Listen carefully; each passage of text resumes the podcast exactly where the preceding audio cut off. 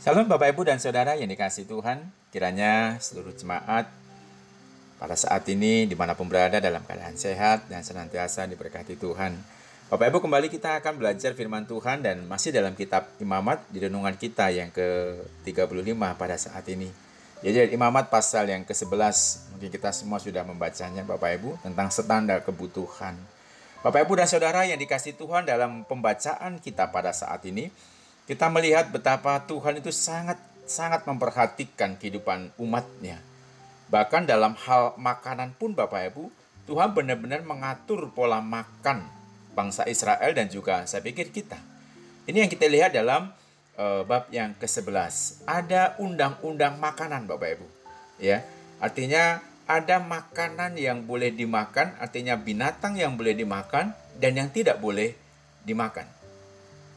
Ini menjadi hal yang sangat penting Bapak Ibu. Artinya eh, akan sangat salah bagi kita kalau kita tidak menyadari bahwa peraturan makanan dan hukum sanitasi ini memang sangat berfungsi Bapak Ibu untuk melindungi bangsa Israel dari penyakit dan juga epidemik yang sedang merajalela di negara-negara sekitar mereka pada waktu itu.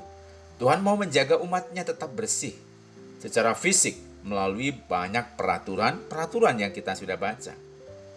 Bapak Ibu dan Saudara, sebenarnya tidak ada yang salah dengan dengan hewan atau binatang yang dilarang bagi orang Israel sebagai makanan.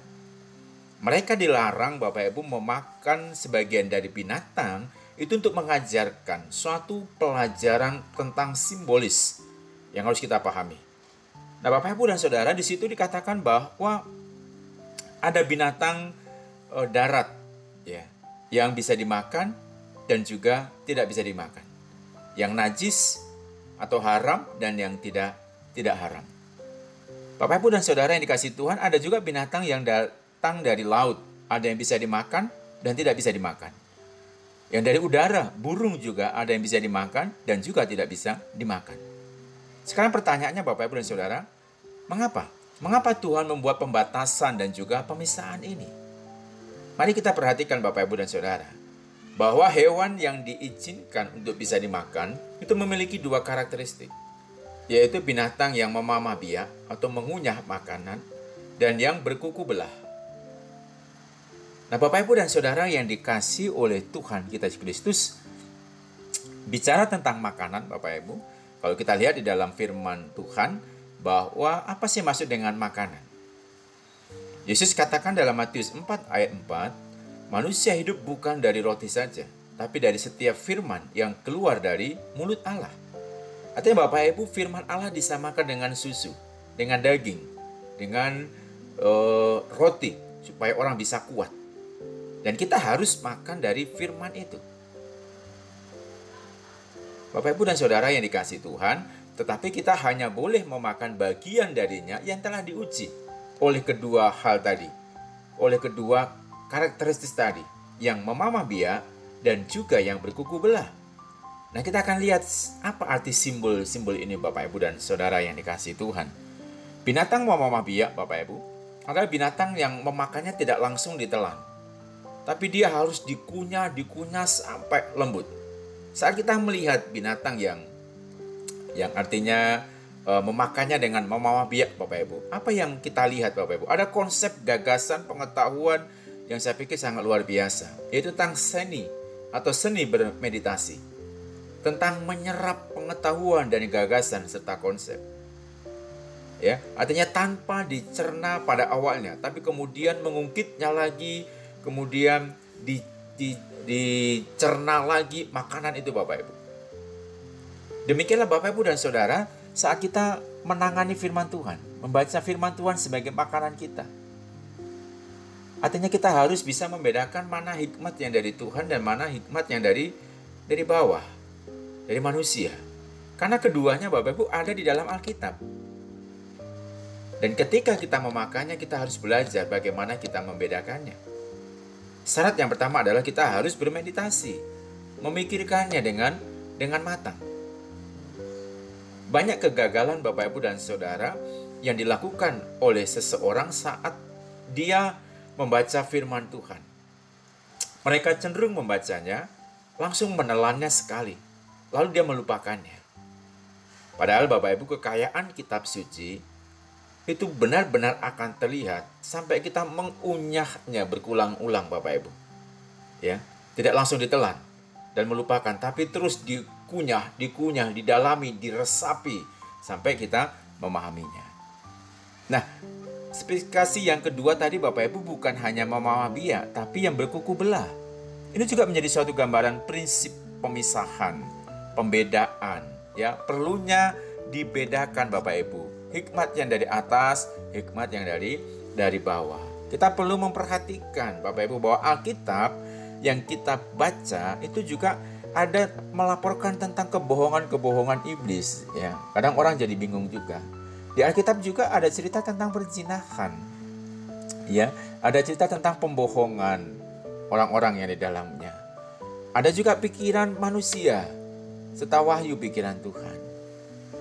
Jadi Bapak Ibu dan Saudara yang dikasih oleh Tuhan, kita tidak dapat mengikuti Alkitab tanpa pandang bulu. Artinya banyak aliran yang sesat Bapak Ibu muncul kenapa? Karena kegagalan mereka memahami uh, pembagian yang perlu di, dilakukan. Sehingga mereka semua pukul rata. Jadi dalam hal ini Bapak Ibu dan Saudara yang dikasih oleh Tuhan kita Yesus Kristus, uh, kita harus bisa menerapkan makanan mana yang kita makan yang bersumber dari firman Allah yaitu harus dengan praktek meditasi ganda yaitu dengan terus mengunyah dan juga terus membuat suatu pembedaan. Nah, binatang yang di laut juga disebutkan Bapak Ibu.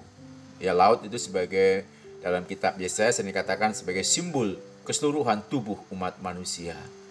Ya, artinya di sini juga Bapak Ibu saat kita bicara tentang makanan, menguji makanan, ada ide, konsep, dan proses yang juga harus dilakukan.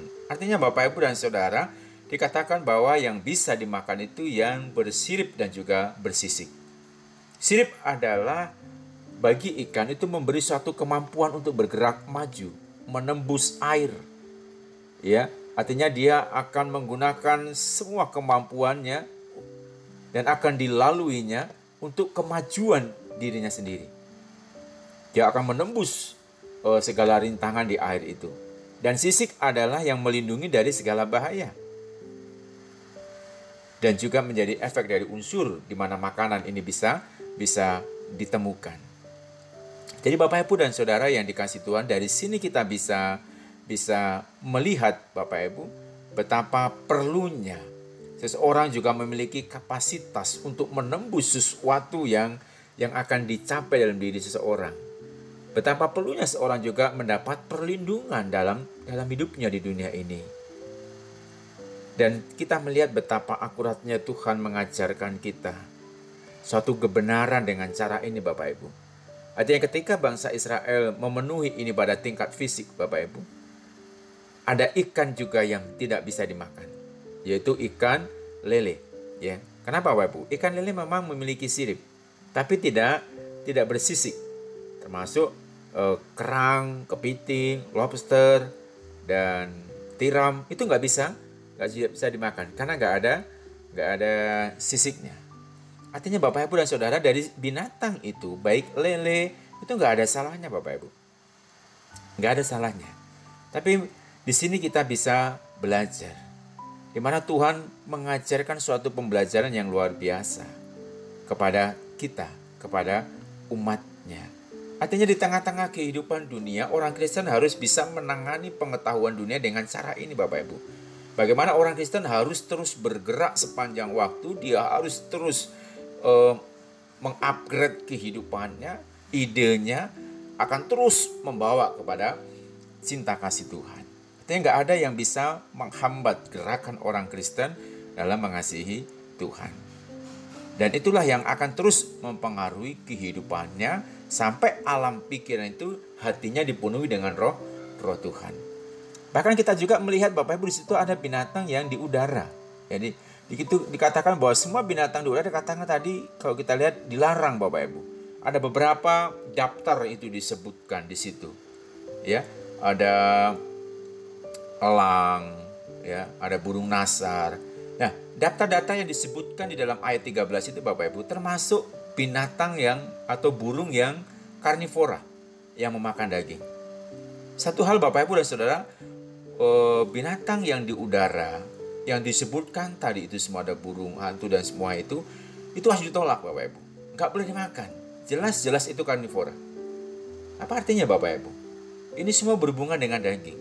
Artinya kita juga diajak bahwa segala sesuatu yang bersifat daging Bapak Ibu ya yang muncul dalam prinsip manusia memanjakan diri ya kecenderungan untuk memuaskan diri mencukupkan diri sendiri itu harus ditolak Bapak Ibu itulah sebabnya Tuhan dalam kasihnya menetapkan uh, beberapa batasan dalam hidup kita. Dan berkata jangan terlibat dalam hal-hal ini. Jangan terima. Jangan main-main dengan mereka. Kita akan terjebak jika kita melakukannya. Kita akan dikotori. Kemanusiaan kita akan menjadi najis dan akan dihancurkan. Dan kita tidak akan dapat memenuhi semua tujuan yang untuknya. Kita telah dikirim ke dunia. Untuk apa Bapak Ibu? Ya. Tentunya Allah membatasi itu semua Bapak Ibu karena Allah mengasihi kita. Ya. Jadi dalam dalam suratnya eh, Rasul Paulus juga menulis di 1 Korintus 6 ayat ke-13 Paulus menulis surat kepada orang-orang Kristen yang ada di kota Yunani, Bapak Ibu dan Saudara, di mana di situ eh, sangat bebas penyembahan seks dan cinta kesenangan dunia. Apa yang Paulus katakan dalam surat itu Bapak Ibu? Tubuh bukanlah untuk pecah bulan. Dan itu sangat bertentangan dengan banyak filosofi zaman kita. Tubuh bukanlah untuk pecah bulan, tapi untuk untuk Tuhan. Sehingga melalui tubuh dan pikiran kita, telinga dan dan mata kita dan hati kita, tangan dan suara kita datang tepat di mana kita berada. Sebagai apa? Sebagai manifestasi Tuhan, Bapak Ibu. Itulah yang yang Tuhan ajarkan, Bapak Ibu. Itulah yang membuat kita menjadi manusia seutuhnya. Bukan masalah kegiatan keagamaan yang yang menjadi rutinitas bagi kita atau berapa banyak waktu yang kita habiskan untuk untuk belajar Alkitab. Ya, Allah mengajar atau mendesak kita agar ekspresi karakter Allah itu ada di tengah-tengah di mana pun kita berada. Bahkan saat kita bekerja pun, karakter Allah itu ada bersama dengan kita.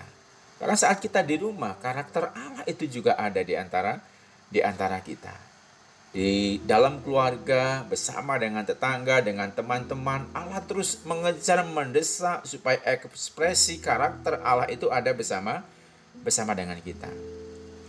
Allah menginginkan karakter yang datang kepada orang lain melalui kita, Bapak Ibu. Melalui cinta Allah yang sudah kita miliki, melalui kegembiraan yang kita miliki, kedamaian, kelemah lembutan, ya, hati yang lemah lembut, kesediaan untuk memaafkan, ya, kesabaran, pengertian, ya, dan tidak ada kepahitan ataupun kebencian dan permusuhan. Itulah saya pikir eh, karakter manusia seutuhnya, ya. Jadi Tuhan berkata kepada kita, kuduslah kamu, karena aku kudus di 1 Petrus 1 ayat 16. Dan eh, hindari hal-hal yang telah aku peringatkan.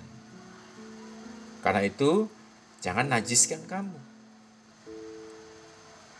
Itulah Bapak Ibu dan Saudara yang dikasih oleh Tuhan kita Yesus Kristus. Jadi pembahasan kita hari ini betul-betul mengingatkan kita betapa Allah sangat mengasihi kita. Betapa Allah ingin kita menjadi manusia yang seutuhnya. Walaupun dengan banyak aturan dan tata yang Allah atur sedemikian rupa, Allah ingin bahwa Eh, karakter Allah itu ada di dalam diri kita. Kita diutus dalam dunia, Bapak Ibu dan Saudara yang kasih Tuhan, agar dunia memiliki karakter Allah melalui kita semuanya. Sekali lagi Bapak Ibu, kuduslah karena Allah juga kudus. Amin. Sampai di sini Bapak Ibu dan Saudara renungan kita pada malam hari ini. Tuhan Yesus memberkati kita semuanya.